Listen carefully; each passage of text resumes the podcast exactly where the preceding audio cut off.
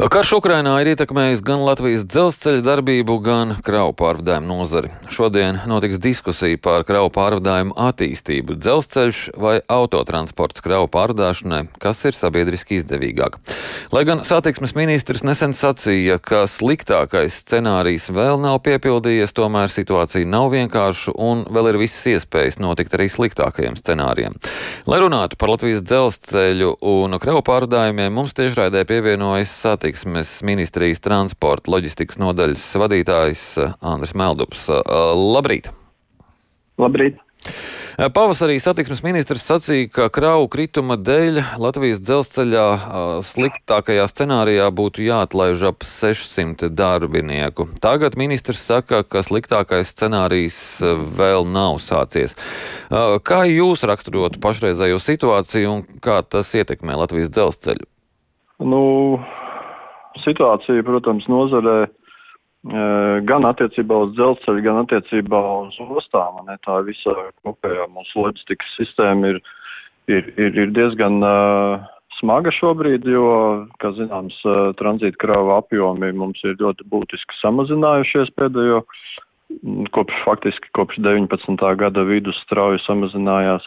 Uh, līdz ar to nu, dzelzceļš cieši visvairāk, jo uh, jo dzelzceļam ir jāuztur infrastruktūra atbilstoši visiem normatīviem aktiem, un, un, un līdz ar to, teiksim, šie te ieņēmumi, kas kādreiz nāca no kravu pārvadājumiem, nu, viņi vairs nav tik daudz, kā, kā būtu nepieciešams infrastruktūras uzturēšanai.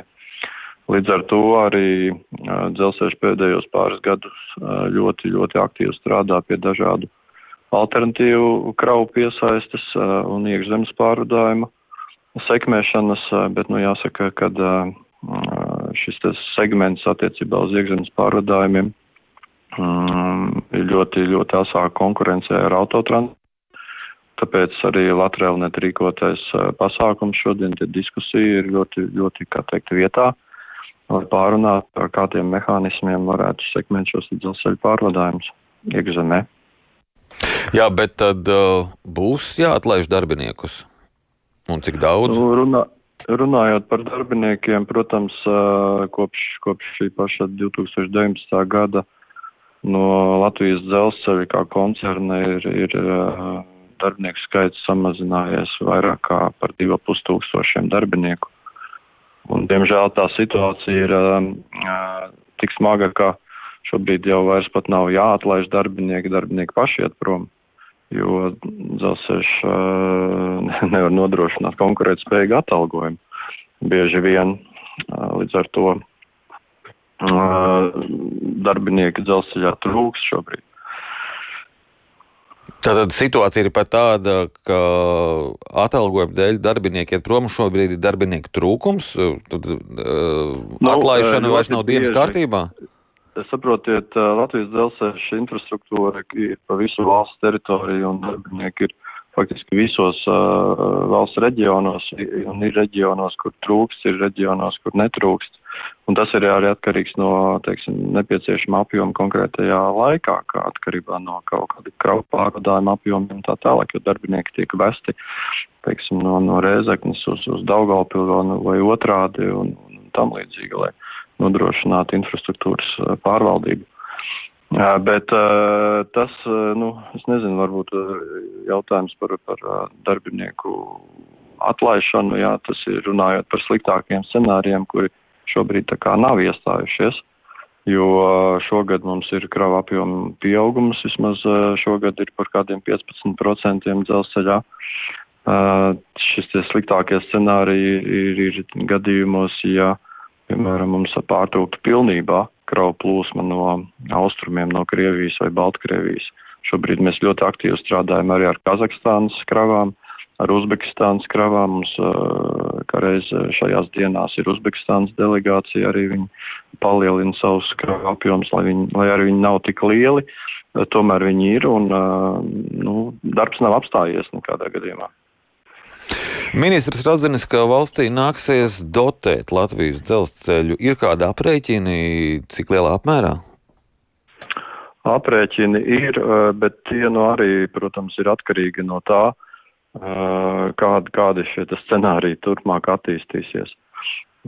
Konkrēts cipars es šobrīd nenosaukšu, jā, bet tie, tie ir vairāki desmit miljonu eiro, kas ir nepieciešami, lai uzturētu dzelzceļa infrastruktūru, ko, ko nav iespējams paņemt no pārvadātājiem.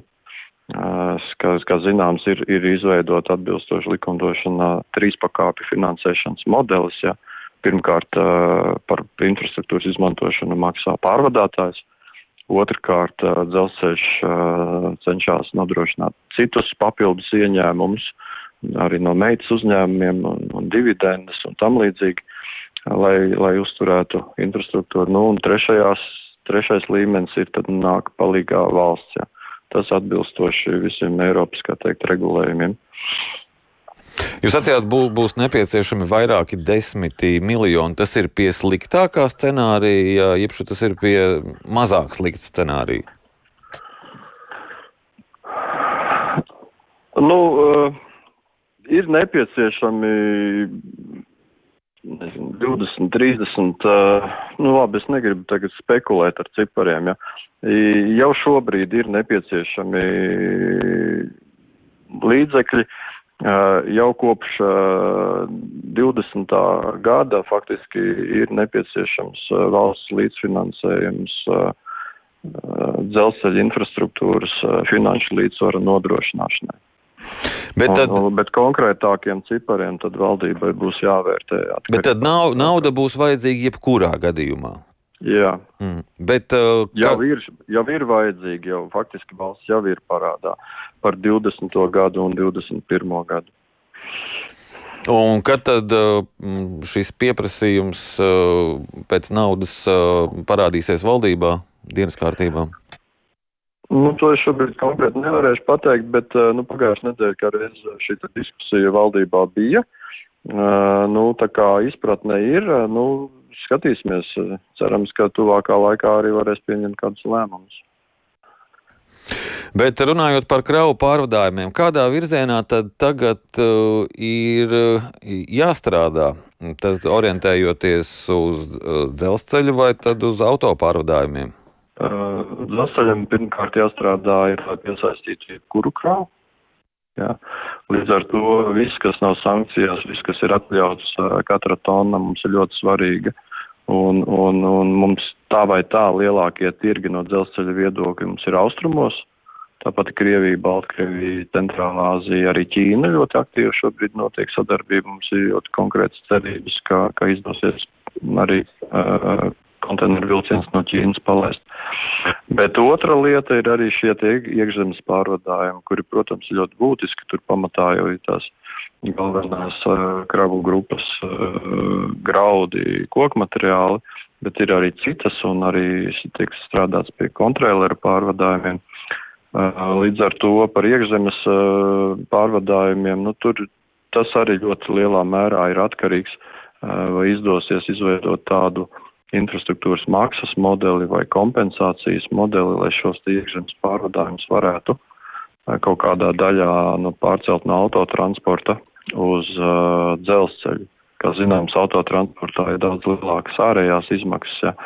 uh, savukārt dzelzceļā tās ir ievērojami mazākas, un līdz ar to dzelzceļa transports ir vidēji draudzīgāks. Jā, bet, bet mums būtībā ir tikai šis viens austrumu virziens. Vai tur nav nu, milzīgs risks, ka, ka, ka, ka vienkārši vienā brīdī tas var būt arī slēgts?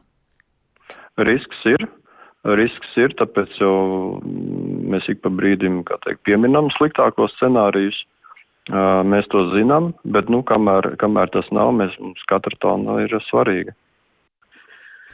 Jā, es teikšu jums paldies par šo sarunu. Atgādinu, ka mēs sazinājāmies ar satiksmes ministrijas transporta loģistikas nodaļas vadītāju Andri Meldupu.